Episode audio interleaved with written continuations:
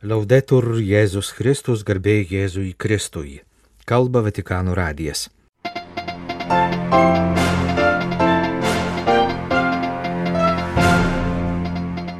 Popiežius priemė Vietnamo prezidentą. Popiežiaus maldos intencija rūpiučio mėnesiui Pranciškus prašo kartu su juo melstis už jaunimą. Popiežius pasiuntė žinę prieš Lisabonoje vyksiančias pasaulio jaunimo dienas Bosnijos ir Hercegovinos Medžiugorėje, šiomis dienomis vykstančio kasmetinio jaunimo susitikimo Mladi Fest dalyviams. Vatikane įvyko Romos kurijos vadovų ir Vokietijos vyskupų susitikimas dėl vokiečių katalikų sinodinio kelio. Šioje laidoje pristatysime dar vieną būsimą naują kardinolą. Per rugsėjo 30 dieną vyksiančią konsistoriją kardinolų kolegijos nariu taps buvęs nuncijus arkivyskupas Agostino Marketto. Popiežius Pranciškus ketvirtadienį po pietų priėmė Vietnamo prezidentą Vo Van Tuongą su įlydinčia oficialia delegacija. Šią progą buvo paskelbtas bendras Šventojo sosto ir Vietnamo pareiškimas, kuriuo informuojama, jog nuspręsta Vietname atidaryti Šventojo sosto atstovybę su reziduojančiu nuolatiniu popiežiaus atstovu. Popiežius Pranciškus prašo rūpiučio mėnesį kartu su juo melstis už jaunimą. Melskimės, kad pasaulio jaunimo dienos Lisabonoje padėtų jaunimui leistis į kelionę, liudijant Evangeliją savo gyvenimu. Maldos intencija rūpiučio mėnesiui popiežius Pranciškus pristato kalbėdamasis su jaunimu. Į jaunuolių pastabą, kad jie, užėję į savo miesto rajono bažnyčią, mato tik senus žmonės ir klausim, ar bažnyčia tai tik senukų klubas, popiežius atsako, bažnyčia nėra senų žmonių klubas, kaip ir nėra jaunimo klubas. Jei ji taptų senukų klubu, būtų pasmerkta mirčiai. Šventasis Jonas Paulius II sakė, kad jei gyveni su jaunais žmonėmis ir tu atjaunėjai, bažnyčiai reikia jaunų žmonių, kad ji nepasentų. Kodėl šių pasaulio jaunimo dienų šūkiu buvo pasirinkti žodžiai Marija susiruošusi skubiai iškeliavo. Todėl, atsako popiežius, kad Marija vos tik sužinojusi, jog bus Dievo motina, nestovėjo vietoje, jai nerūpėjo pasidaryti asmenukę kad galėtų pasipuikuoti. Ji toj pat išskubėjo tarnauti, padėti. Jūs irgi turite iš jos mokytis padėti kitiems, sako Pranciškus. Ko popiežius tikisi iš šių pasaulio jaunimo dienų Lisabonoje? Norėčiau Lisabonoje pamatyti ateities pasaulio daigus, sakė Pranciškus. Pasaulio, kuriame svarbiausia būtų meilė, kuriame galėtume jaustis kaip broliai ir seserys mes kariaujame, tačiau mums reikia kažko kito. Mums reikia pasaulio, kuris nebijotų liudyti Evangelijos. Pasaulio, kuriame būtų daug džiaugsmo. Nes jei mes krikščionys nesidžiaugiame, nesame patikimi. Niekas mumis netiki. Tad melskimės, kad pasaulio jaunimo dienos Lisabonoje padėtų jaunimui leistis į kelionę, liudijant Evangeliją savo gyvenimu. Popiežius Pranciškus pasiuntė žinę Bosnijos ir Hercegovinos Medžiugorijės parapijoje šiomis dienomis vykstančio kasmetinio jaunimo susitikimo Mladi Fest dalyviams. Šiemetinė jaunimo šventė Medžiugorijoje baigsis sekmadienį Liepos 30 dieną, likus vos porai dienų iki kito didžiojo jaunų žmonių susitikimo Lisabonoje vyksiančių pasaulio jaunimo dienų. Su džiaugsmu kreipiuosi į Jūs dalyvaujančius šventėje, kuri suteikia jums progą švęsti ir atnaujinti savo tikėjimą, rašo popiežius ir toliau savo žinioje apmasto Medžiugorėje vykstančios jaunimo šventės temą - evangelisto mato užrašytus Jėzaus žodžius. Štai mano motina ir mano broliai. Evangelistas pasakoja, kad Jėzui kalbant miniai, kažkas jam pranešė, jog jo motina ir giminaičiai jo ieško. Jėzus atsakė klausimu, kas mano motina ir kas mano broliai. Ir rodydamas į mokinius, sakė, štai mano motina ir mano broliai. Kiekvienas, kas tik vykdo mano dangiškojo tėvo valią, yra man ir brolis, ir sesuo, ir motina. Pasak Pranciškaus, šie Jėzaus žodžiai stebina, nes iš pirmo žvilgsnio atrodo, kad jie rodo nepagarbą motinai Marijai ir kitiems artimiesiems. Iš tikrųjų, Jėzus nori mums pasakyti, kad laikymasis tėvo valios mus labiausiai su juo suvienyje ir kad ši vienybė yra svarbesnė net už kraujo ryšius. Brangus jaunuoliai, Dievo valia yra neįkainojamas lobis, rašo Pranciškus jaunimui. Mergelė Marija užmesgė artimą ryšį su Jėzumi dar prieš jį pagimdydama. Ji tapo savo sūnaus mokinę ir motiną tą pačią akimirką, kai išgirdusi angelo prieiškimo žodžius atsakė, štai aš viešpaties tarnaitė, te būna man, kaip tu pasakėjai. Nuo tos akimirkos visas jos gyvenimas buvo nuolatinis Dievo valios vykdymas. Mes, toliau rašo Pranciškus, labai dažnai priešinamės Dievo valiai, norime lengvesnio gyvenimo, be iššūkių, be kančios. Dažnai bijome Dievo valios, nes įsivaizduojame, kad Dievas gali pareikalauti, ko nenorėsime. Bijome, kad priimti Dievo valią reikš atsisakyti savo laisvės. Pasak popiežiaus, būtent dėl šių abejonių turime melstį Dievą, kad Jis mums padėtų suprasti savo valią ir kad sugebėtume ją vykdyti. Pats Jėzus mums paaiškina, kodėl mes turėtume trokšti gyventi pagal Dievo valią. Tėvo valios vykdymas padaro mus Dievo vaikais, Jėzaus broliais ir seserimis. Brangus jaunuoliai, Dievas turi meilės planą kiekvienam iš jūsų. Nebijokite jo valios, bet visiškai pasitikėkite jo malonę, prašo popiežius ir linki, kad jaunų žmonių gyvenime neliktų vietos savanaudiškumui ir tinginystiai. Pasinaudokite savo jaunystę, kad kartu su viešpačiu padėtumėte savo egzistencijos pamatus, nes nuo pasirinkimų, kuriuos padarysite dabar, priklausys jūsų ateitis. Galiausiai popiežius meldžia švenčiausią mergelę Mariją, kad lydėtų jaunimą gyvenimo kelionėje, padėtų atpažinti ir priimti dangiškojo tėvo valią. Romos kūrijos ir Vokietijos episkopato atstovai bendrame komunikate informavo apie trečiadienį Liepos 26 dieną Romoje įvykusi susitikimą Jame pažymėta, kad susitikimas, po kurio ateityje seks kiti, praėjo teigiamoje ir konstruktyvioje atmosferoje. Per susitikimą pratesti pokalbė apie bažnyčios Vokietijoje sinodinį kelią, pradėta 2022 m. lapkritį per Vokietijos viskupų vizitą Romoje Adlimina Apostolorum. Ta kartą Abi pusės nutarė pagilinti, ypač dėl sinodinio kelio iškilusius teologinius ir teisinius klausimus, sukėlusius kontroversijų Vokietijoje, Vatikane ir visuotinėje bažnyčioje. Lapkričio 18 dieną įvykusiame 62 Vokietijos vyskupų ir kai kurių Romos kūrijos vadovų susitikime dalyvavęs kardinolas Pietro Parolinas, valstybės sekretorius, išsakė susirūpinimą jog bažnyčios Vokietijoje sinodiniam keliui grėsia pavojus tapti bažnyčios reforma, o ne reformomis bažnyčioje. Nuogastavimus dėl sinodinio kelio metodikos, turinio ir pasiūlymų išsakė tikėjimo mokymo ir viskupų dikasterijų prefektai. Jie ragino vokiečių prašymus įtraukti į visuotinės bažnyčios sinodo eigą.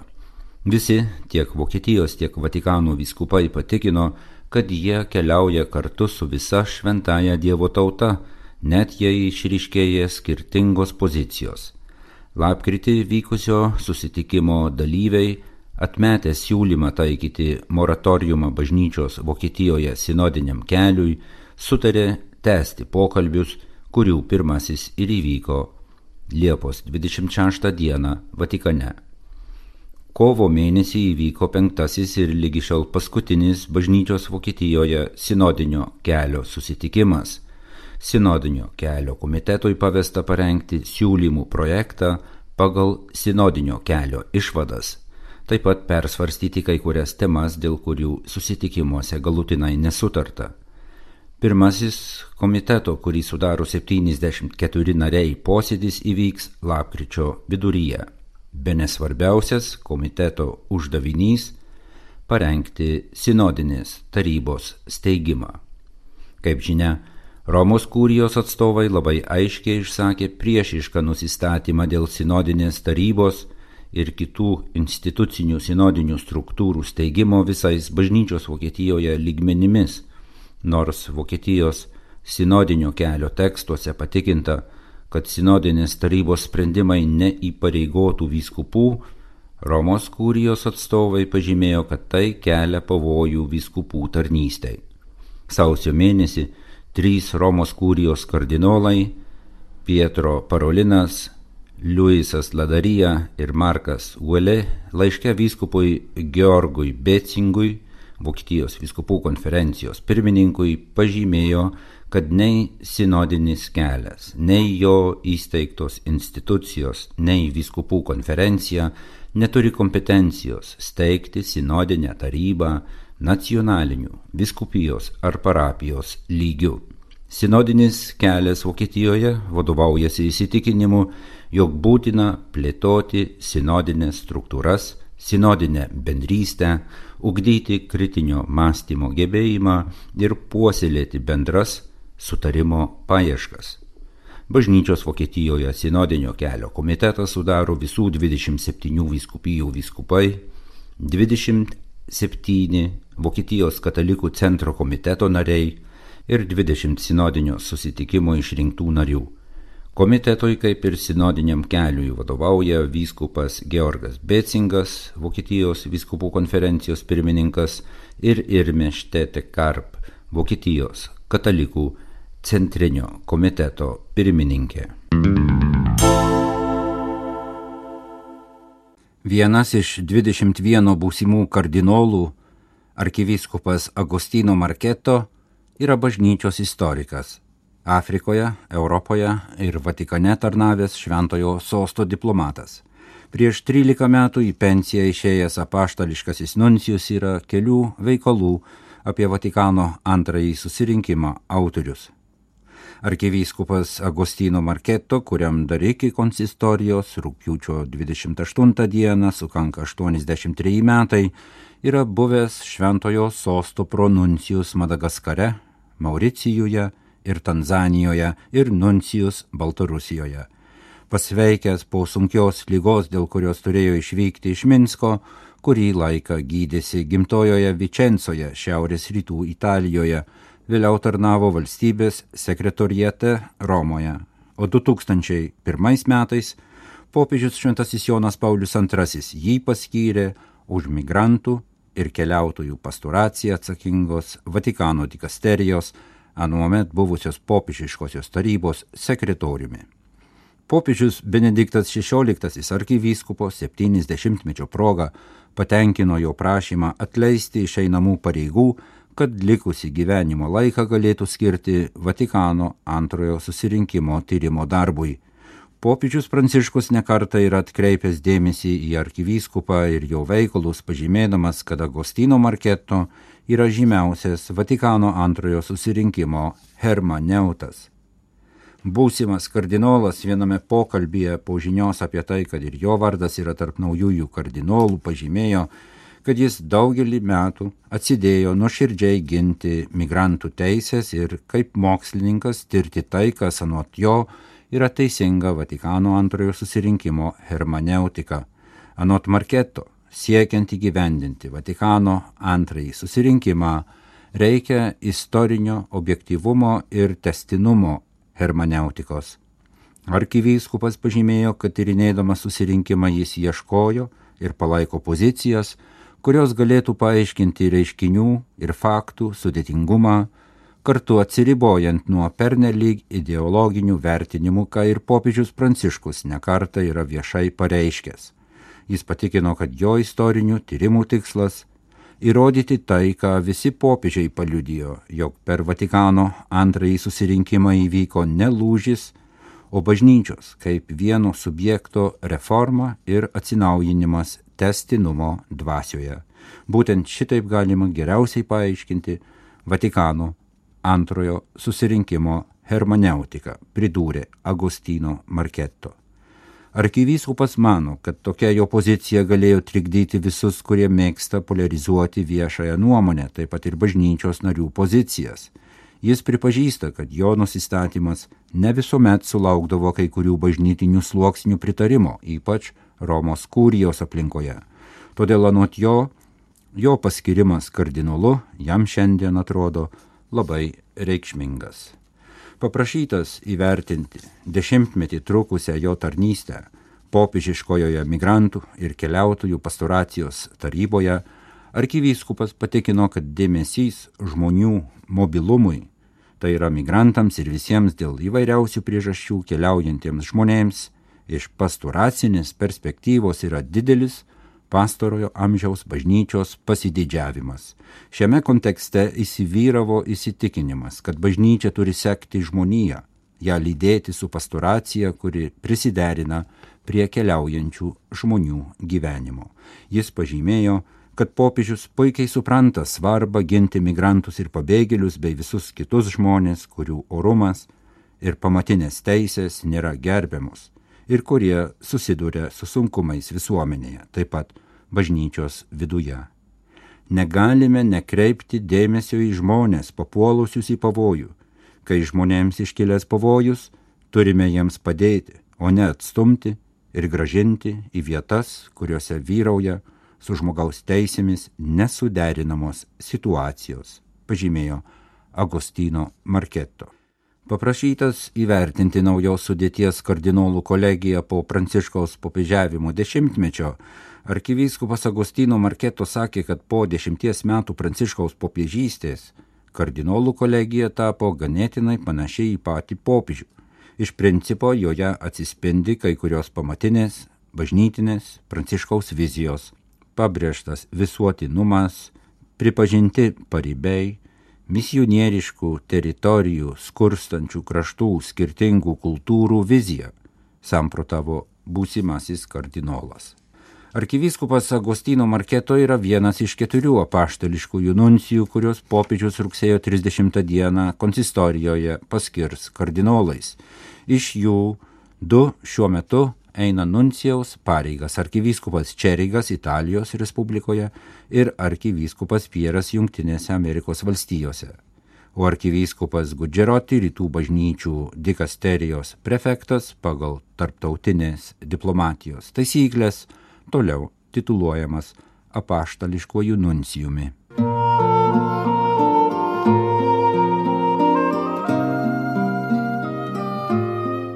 Kalba Vatikano radijas. Mėlyjeji klausytojai, primename, kad Vatikano radijo laidų jūs galite klausytis ne tik per Lietuvos radio kanalą Klasika ir Marijos radiją, bet ir per mūsų interneto radiją, kurio galima klausytis mūsų interneto portale Vatikano radio lietuviškasis kanalas veikia visą parą be pertraukos. Jo laidų tinklelyje žinios lietuvių kalba, liturginės valandos, rožinio malda, mišios lotynų kalba ir klasikinė muzika. Primename mūsų interneto portalo adresą vaticannews.va lt. Jūs klausėtės Vatikano radio žinių laidos lietuvių kalba. Atsisveikiname iki rytojaus Laudetur Jėzus Kristus.